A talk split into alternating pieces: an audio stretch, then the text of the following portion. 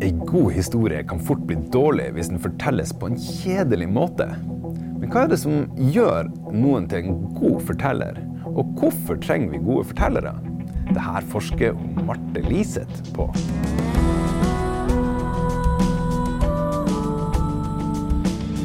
Observatoriet. En forskningspodkast fra UiT Norges arktiske universitet. Med Geir Hevnskjell Ringvold, mannen som lurer på det meste, og Marit Anne Hauan, som bokstavelig talt lever av fortellinger. Og en ny, spennende forsker hver uke.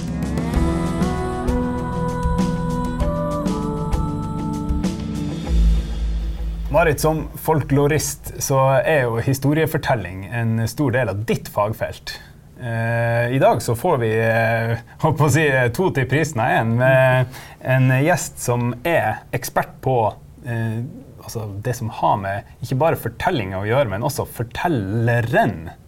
Eh, det her blir spennende. Det gjør det. og Hvis, hvis det her hadde vært sånn på bygda for noen år siden, så ville, man ha, ville jeg ha svart deg øyeblikkelig. Nei, til still og fortell. Ti still og fortell, Marte Liseth. Du er universitetslektor ved det Kunstfaglige fakultetet ved UiT, Norges arktiske universitet. Velkommen hit. Tusen takk. Veldig hyggelig å få lov til å komme hit. Ja, historiefortelling. Ja. Fortell. Eh, ja, det er jo Jeg tenker historiefortelling er jo overalt og angår oss alle, og vi alle forteller i livene våre og om livene våre. Og det sniker seg på en måte inn i alle fagfelt og overalt. Så jeg tror det er et tema som, som kan interessere bredt, men som også kan forstås veldig, veldig forskjellig. Ettersom hvem du spør. For du er på en måte ikke sånn her Det er ikke rorbuavitser du eh, verken forsker på eller kanskje har som din særinteresse. Nei. Eh, min, mitt spesialfelt er jo selve fortelleren, den som formidler fortellingen. Om det er, Selvfølgelig kan det jo være rorbuavitser, eller det kan være eventyr, eller det kan være sagn, eller det kan være historier om deg sjøl, eller, eller hva som helst, egentlig. Så tror jeg at mange av de samme eh, virkemidlene brukes, om kanskje på litt forskjellige måter. Om det er en vits eller en Ja, så- alvorlig hva- fortelling. Hva er det, for vi jeg er sikker på at alle eh, har en opplevelse av hva som er en god historiefortelling. Det er, det er dem som begynner på et eller annet, og så er det nesten som man liksom lener seg litt fremover for å lytte. Og så eh, får de historien til å virke interessant, og det avsluttes med en sånn punch, og så flirer alle, og så sier alle wow! og så eh, har du noen som bare ikke får det til. Jeg, jeg føler jeg tilhører litt den siste kategorien der. Jeg blir kanskje litt sånn heit på, på grøten og, og utålmodig for å komme til poenget. Hva, er, hva gjenkjenner en god historieforteller, egentlig? Ja, Det er jo ikke sånn det er kjempeenkelt spørsmål, men det, men det er akkurat de tingene jeg er interessert i. Eh, og noe kan man på en måte bryte ned til å snakke om ja, det er hvordan historier er bygd opp, det er hvordan ord du bruker, hvordan du eh, bruker kroppen din, ansiktet, eh, ja, gester og mimikk, hvordan du bruker stemmen, hvordan du bruker tempo og rytme og pauser. Så du kan jo bryte det ned og øve på mange sånne enkeltheter. Men så er det jo noe der som er litt vanskelig å si. Men hva er det, da? Er det? Og, ja, og som noen har, på en måte. Men det er klart når man underviser i noe, så må man også tenke at alle skal kunne øve på det. Som noen har. Og da må man jo på en måte prøve å finne ut av hva, hva er det Er det bare talent, eller? Eller er det vitenskap? Ja. ja, nei, det, det, det kan man jo spørre om. Men, men det er vel noe med at ja, det er menneskelig å kunne fortelle, og derfor så kan vi alle lære oss det. Men noen gjør, noen gjør det jo også mer. Og det handler vel også om det, at, man, at, at den formen passer noen i det daglige. Sånn, Vi kan kanskje si, eh, vi- eh, Hvis vi går tilbake til Aristoteles, så sa jo han hvordan en fortelling var. Han lagde jo en, delte den jo inn i tre. liksom En innledning, en hoveddel og en avslutning. Eh, og den formen har vi jo på en måte Det ser vi jo enda at forskere henviser til, og de som jobber med fortellinger, henviser til den mangetusenårige eh, modellen for hva en fortelling er. Og så er det jo sånn at skole og utdanning og teoretisk innlæring er ganske nytt. Så det å, å, å eh, At fortellinga og, og, og handling i praksisene var lærestedet, er jo jeg vet ikke hvor lang tid siden vi begynte å gå fra å lære fra det og mor eller far fortalte mm. oss, eh, og gjorde foran oss, mm. til det å, å, lære på skolen. Det er jo ikke så lang tid. Mm. Eh, så jeg tenker at kan det hende at det er liksom um, at den erfaringsbaserte kunnskapen enda ligger i kulturen vår? Eller, eller, må vi gå på skole for å lære? Må vi lære det på skolen og, og fortelle?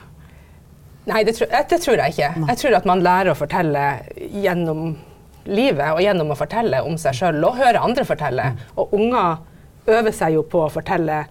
Eh, mine små unger kan fortelle en vits, og da er det av og til at poenget kommer først. eller at, eh, at man ikke, Og så øver de seg mer og mer på hvordan man bygger opp vits med å få komponentene på plass først. Begynnelsen og midten, og så kommer poenget. Mm. Og, eh, og den formen er jo veldig sterk, og er jo veldig effektiv til undervisning tenker jeg, og til formidling. Og har jo vært utvikla over mange år eh, da folk trengte å fortelle for å huske. Mm. Og det, det, tror jeg ikke vi skal kimse så veldig med. Det er jo et sterkt virkemiddel som man kan det, bruke. Det er jo sånn man eh, hører at eh, en, eh, historie er ti ganger mer sannsynlig å bli huska enn en mm. statistikk. Mm.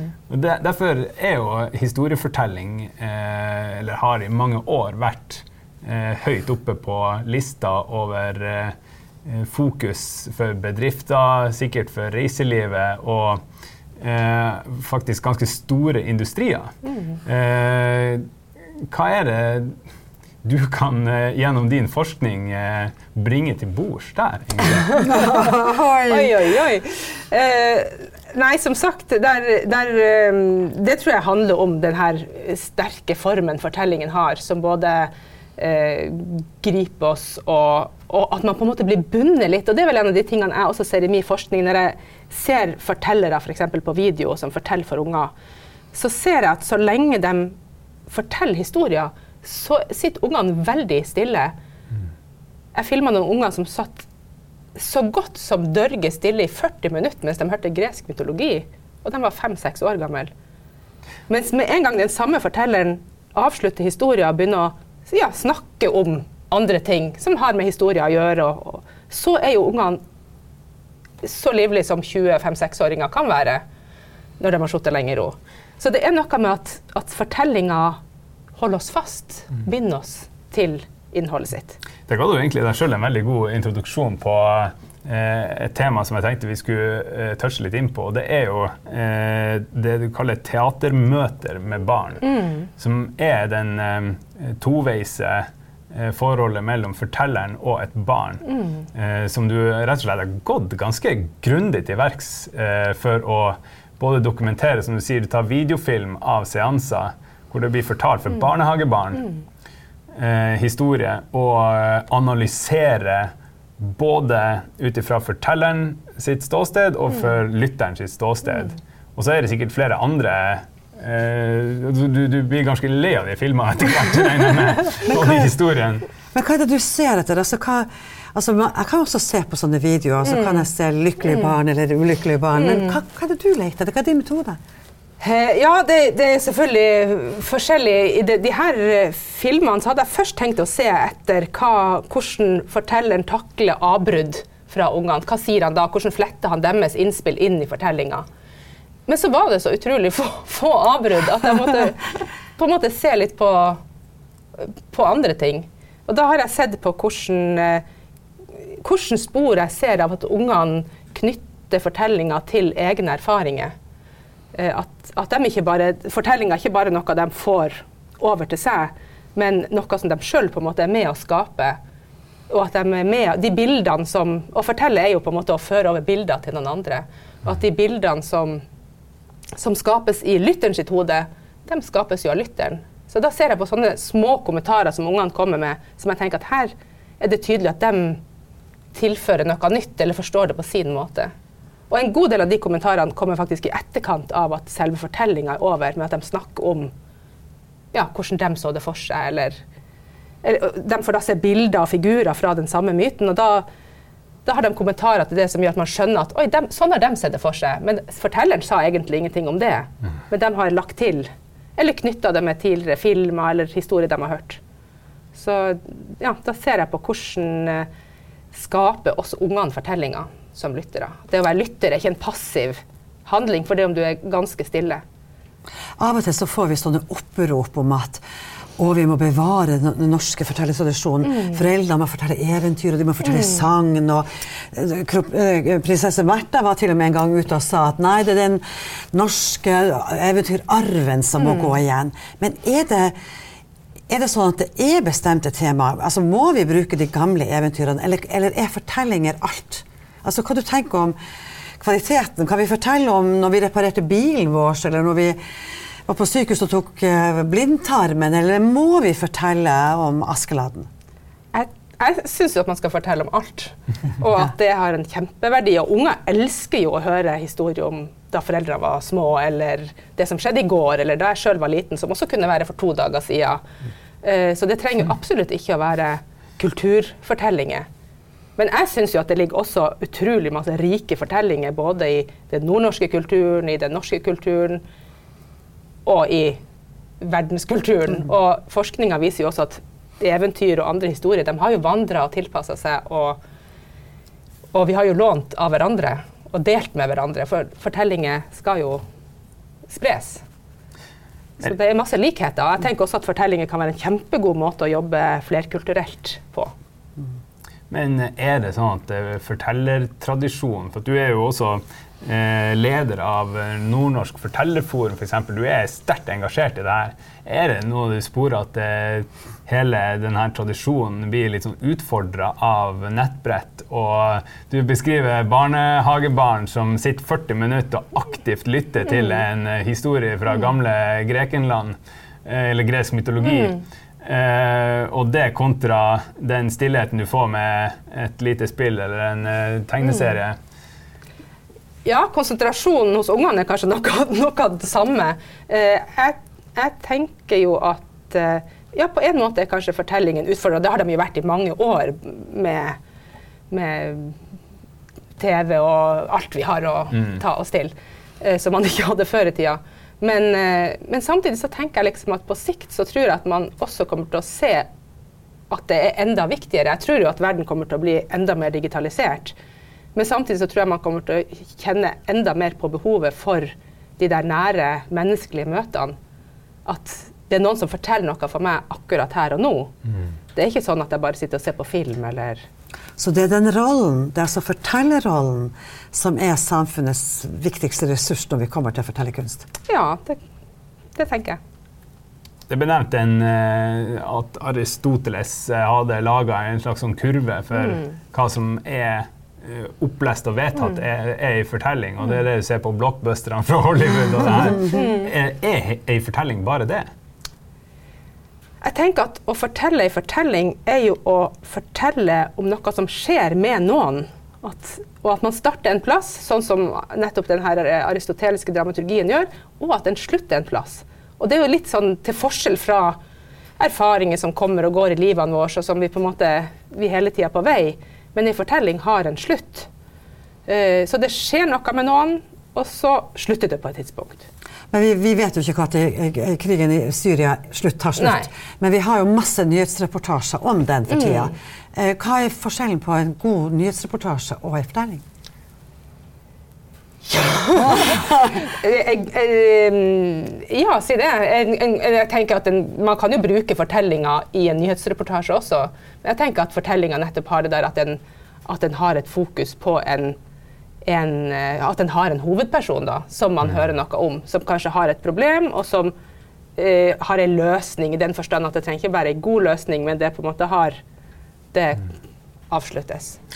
Jeg tror det, jeg tror det stemmer, fordi eh, Eh, vi blir jo fora med i dag skjedde det og det, mm. så mange ble drept, og så mange mm. er på flukt, og nå har det drukna så mange i Middelhavet mm. siden sist. Og det syns vi er forferdelig.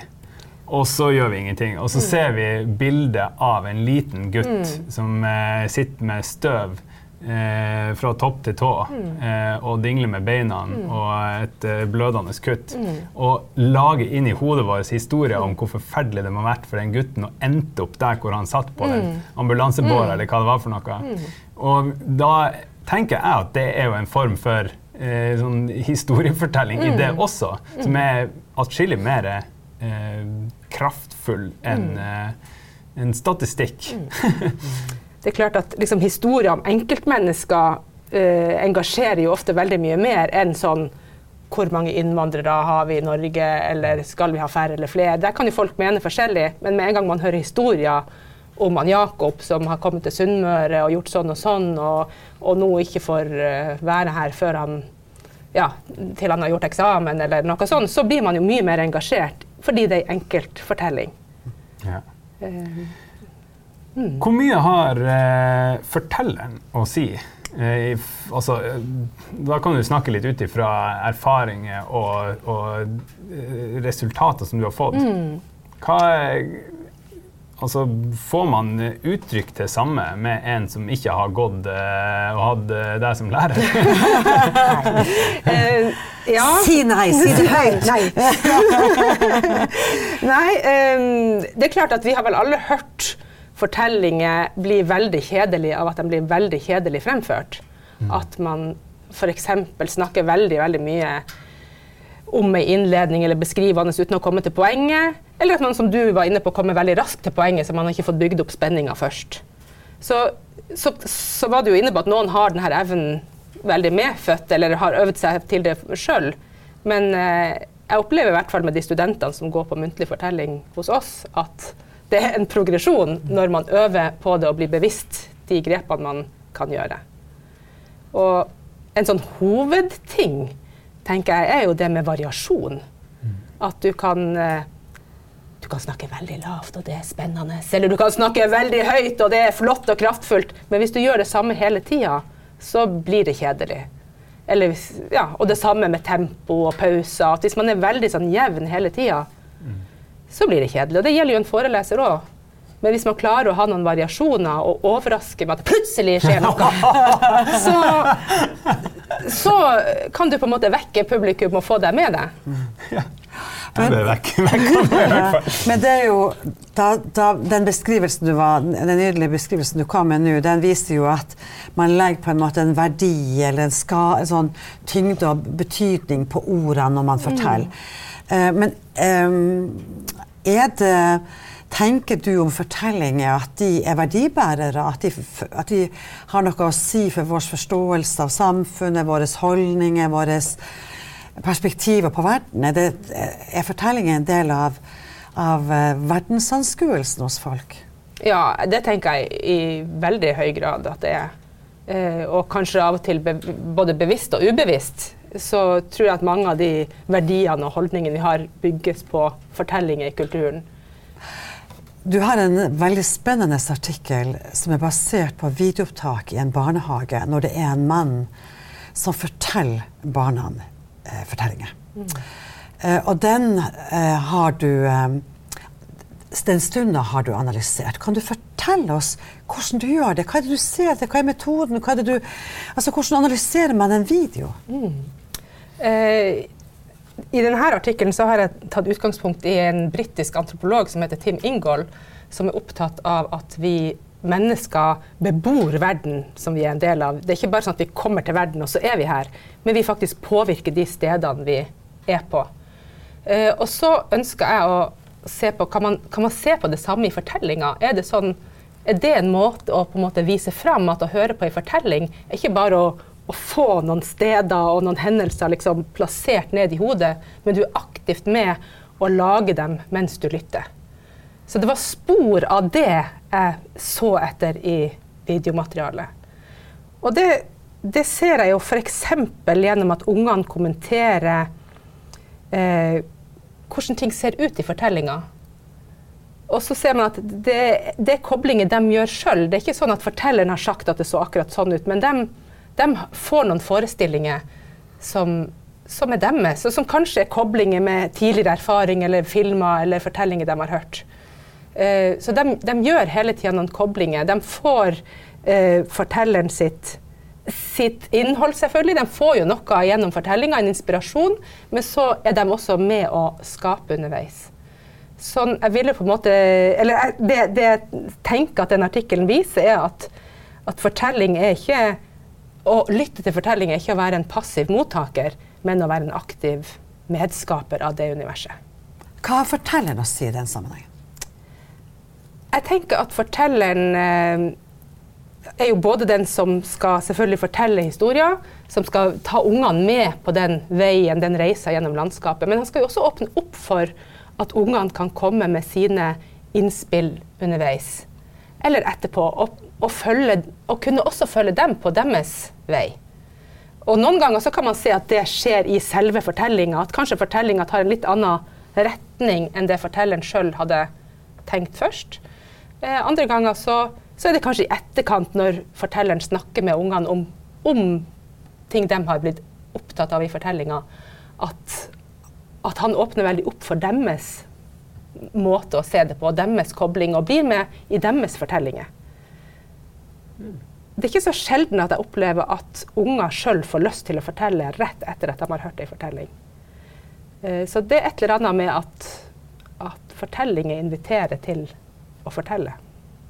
Den minste fortellinga jeg har hørt i mitt liv, var det en av mine sønner som fortalte til en som kom på besøk hos oss. Da var han sånn to år kanskje, og så sa han 'mamma pillepir'. Han fortalte at mamma hadde vært på do og tissa, og hun hadde tørka seg med papir. ikke sant? Det var liksom en sånn så, Og det var jo en, en, ganske klar opplysning til besøkende om at nå er jeg kommet sånn, på et sånt nivå i alder at jeg observerer dette og, får, og, og kan omsette dette i små fortellinger. Men um, hva er hva er, hva er samfunnsrelevansen av å, og, å, forske på fortellerne og fortellerkunsten. Altså, er, hvorfor skal vi gjøre det? Kan ikke vi bare fortsette å fortelle løst og fritt? og eh, La det være en del av folkekulturen. Hvorfor skal det være en del av vitenskapen? Jeg, jeg tenker jo at det er fint at folk forteller rundt omkring. Men eh, men det er jo noe med å systematisere kunnskap. At når også folk rundt omkring i folket, da, hvis du skal holde det, er flinke å fortelle hva, Du spurte hva er det som skiller den gode fortelleren fra den dårlige. Eh, så som Aristoteles sjøl sa, når noen er god i noe, så må vi på en måte prøve å finne ut av hva, ja, hva er det som gjør det bra. Og det tenker jeg er vitenskapen sin oppgave. Og så er det klart at det kan være folk, øh, folk blant folk flest som, som gjør det uten å tenke over det. Eh, men, men, å løfte frem at det er en, eh, det er faktisk en ferdighet, det tror jeg vitenskapen er med å gjøre. Og, og, det kan jo komme tilbake igjen til folk som ønsker å øve seg på det, og tilegne seg noen som ikke føler seg så flink på det, som ønsker å tilegne seg noen redskaper. Og jeg tror også det å, å skape en bevissthet rundt det kan løfte de som, som er gode i det, helt naturlig. Og det gjelder eh, for selv de minste barna som skal være mottakere til en fortelling. Du har jo vært med på produksjoner også fra ett til to år gamle som målgruppa. Ja. Eh, jeg tenker jo det å, det å, uttrykke seg er viktig for alle eh, mennesker i alle målgrupper. Når man er helt liten, så forteller man kanskje en historie på tre ord. Mm. Men, eh, men, etter hvert så er det der å, å, kunne fortelle en historie tror jeg er viktig for unger for å både kunne fortelle om ting de er opptatt av, og, og også kunne leke, faktisk. For at lek ofte har den samme formen som fortellinger. Eh, så tenker jeg jo sånn Oppover samfunnet så har vi jo vært inne på at, at fortelling er kjempeviktig for formidling. Det er viktig for undervisning. Det kan være viktig for andre som ønsker å formidle et budskap. Det, det kan være viktig for næringslivet. Og vi ser jo rundt nå i næringslivet at veldig mange bruker fortellinger for å forklare hva deres bedrift står for på en engasjerende måte. Mm. Mm. Starte med to tomme hender. og ja. Jeg liker den suksesshistorien. Den der Askeladden som eh, starter opp med ingenting og, og får det til. Ja. Men eh, var det sånn at eh, du eh, som barn Marte, var den som kanskje satt mest framoverbøyd i fortellerkroken og lytta? Har ja. det vært sånn bestandig? Jeg var, jeg var, veldig glad i å høre eventyr. Jeg var så heldig at jeg hadde voksne rundt meg, flere som fortalte eventyr for oss og, det, og andre fortellinger. Han pappa fortalte mange fortellinger fra han var liten, og det elska vi også å høre på. Og Og så tror jeg at jeg var ganske glad i å snakke sjøl også.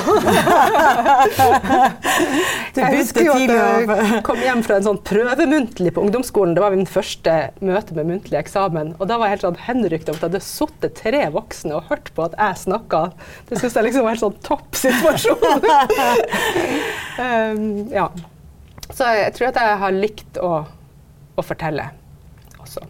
Men hvordan kom du til å bli en profesjonell fortellerekspert? Altså, hvordan tar man en sånn Hvilken utdannelse skal man da ha? Ja, det, det var vel eh, sånn veien gikk nok for meg gjennom interesse for teater, og at jeg begynte å studere drama og teater.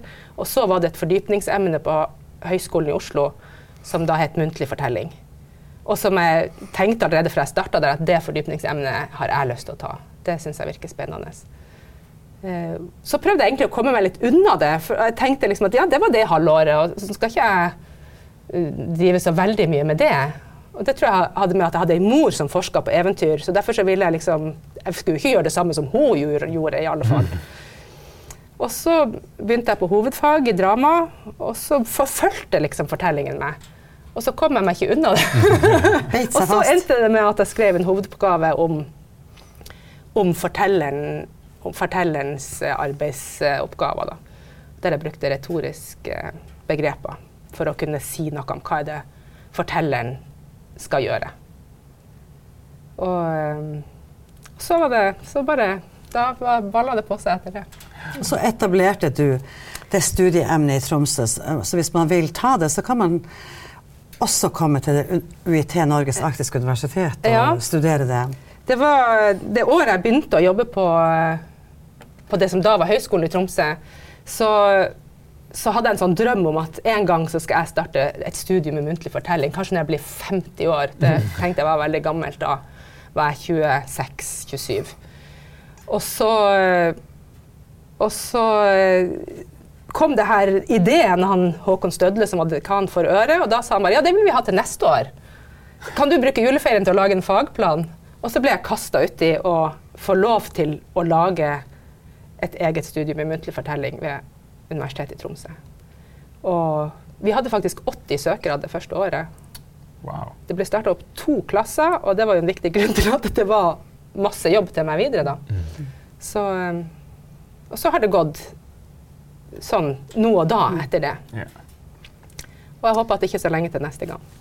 Nei, for hva er grunnen til at vi skal fortsette med sånne type utdanninger fortsetter fortsette å interessere, interessere oss ikke bare for fortellinger, men fortellerteknikken? Hva er, vi pleier å spørre dem som er på besøk her, om eh, siden dette er et 50-årsjubileum. Hva med 100-årsjubileet? Hvor står ditt fagfelt da? henne? Ja. Jeg, jeg tror at, eh, at fortellerkunsten kanskje ses som enda viktigere da. For da tror jeg at, at verden er enda mer digital, og at man virkelig ser at vi må også ta vare på de møtene, nære møtene mellom mennesker som fortellingen er. Og at eh, flere og flere yrkesgrupper ser at det her trenger vi i, vårs, i mitt yrke. Og det ser vi jo med de som søker på muntlig fortelling, at det er veldig, en veldig bredde. Det er folk som ønsker å kanskje sånn bli fortellere eller jobbe scenisk. Det er folk som jobber innenfor helse og omsorg, sykepleiere. Det er prester, det er bibliotekarer, det er folk fra barnehage og skole. Så det er veldig, og, og det er folk som jobber innenfor bedriftsutvikling, for å nevne noe. Og sånn at eh, det viser jo et behov i en ganske sånn bredt, bredt i samfunnet. Så du frykter ikke robotene innenfor uh, akkurat. Frykter ikke robotene innenfor akkurat fortelling.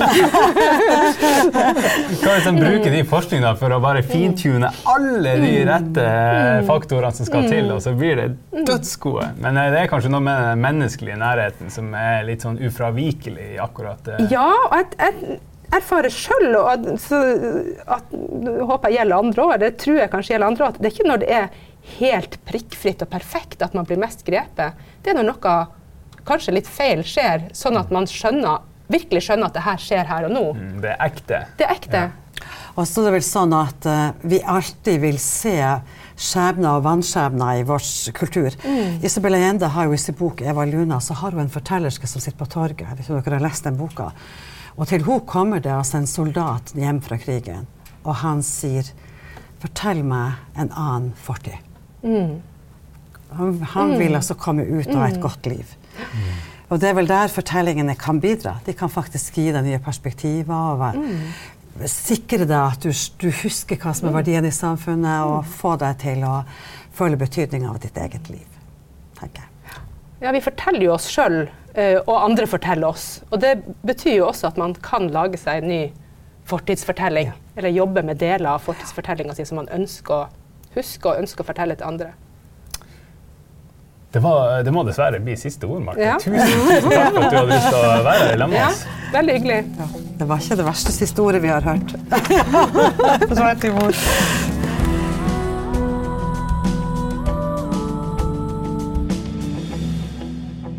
Vil du lese mer om gode fortellere, kan du gå inn på nettsida uit.no 50. Allerede neste uke får du møte en ny og spennende forsker ved UiT Norges arktiske universitet i vår podkast Observatoriet. Via Soundcloud eller andre podkastapper. I mellomtida høres vi.